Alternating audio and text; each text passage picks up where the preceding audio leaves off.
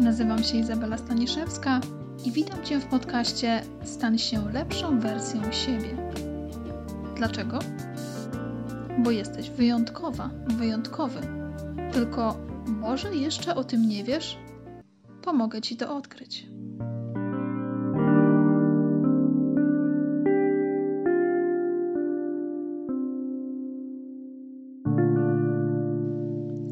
Witam serdecznie w kolejnym odcinku podcastu Stać się lepszą wersją siebie.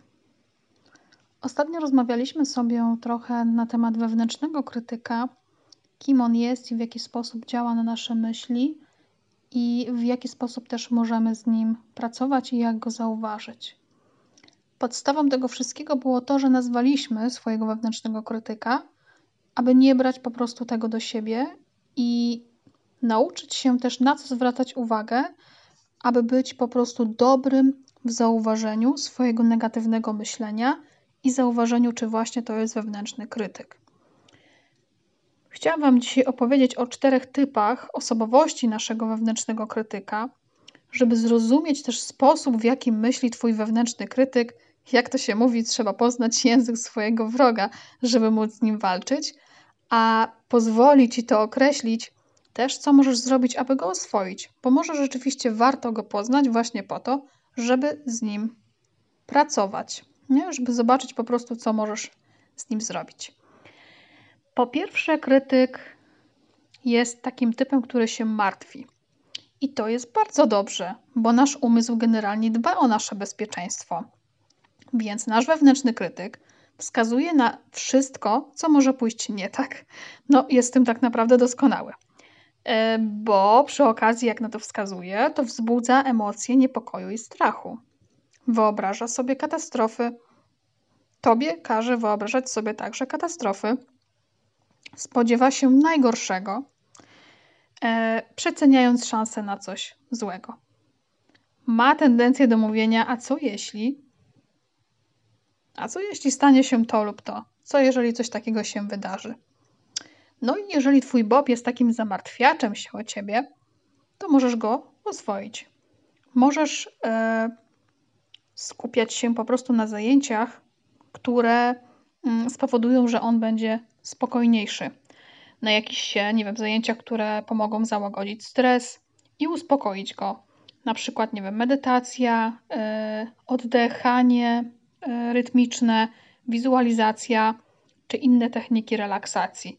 Możesz po prostu powiedzieć mu, że wszystko jest ok i zrelaksować się e, w taki sposób, że mówisz także do niego, że to jest właśnie sposób na to, żeby on się uspokoił. Czyli uspokajasz i siebie, i jego.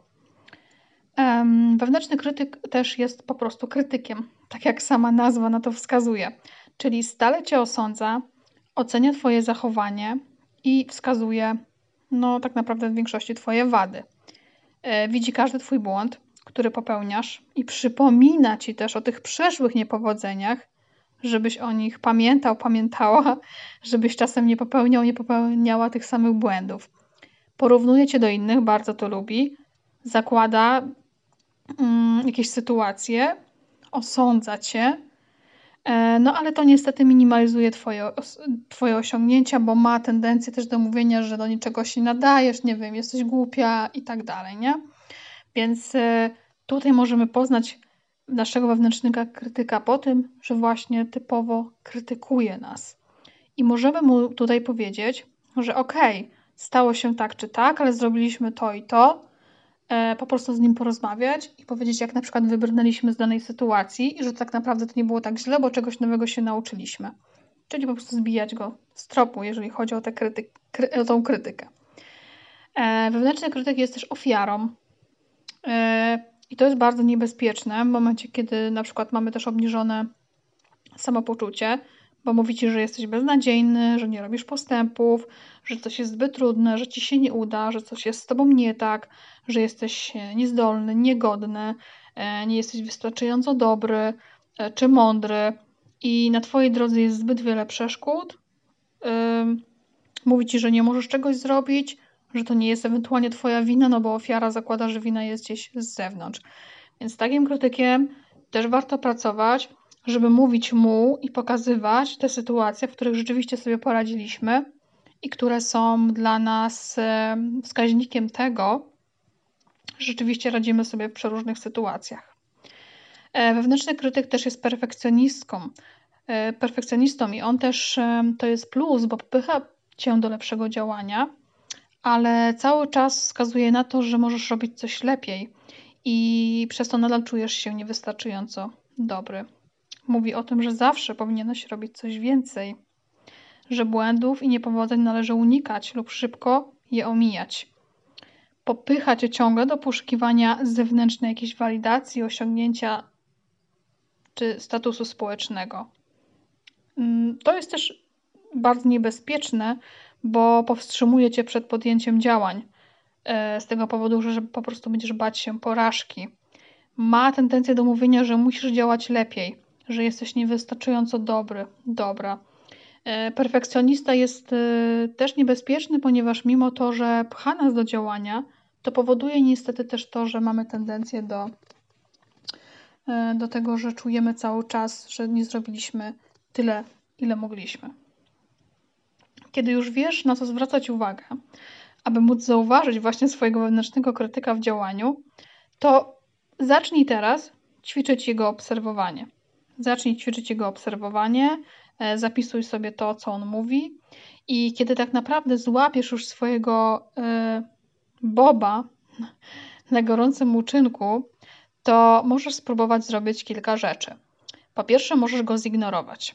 Możesz nie traktować go poważnie. Kiedy on zaczyna bez przerwy mówić e, lub wskakiwać do tego negatywnego pociągu, to wyobraź sobie go w jakimś śmiesznym ubraniu, bądź nie wiem, wyglądającego jak klauna, cokolwiek. Nie jest tobą, nie wie o czym mówi, możesz go totalnie zignorować i wyśmiać.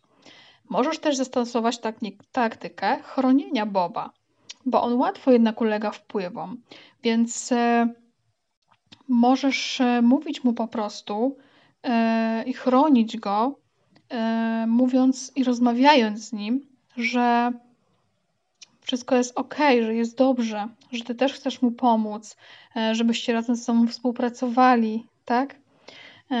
Możesz mu powtarzać, że ty wiesz, co robisz, że wiesz, jak, jak, jakie decyzje masz podejmować, po prostu go chronić i z nim rozmawiać.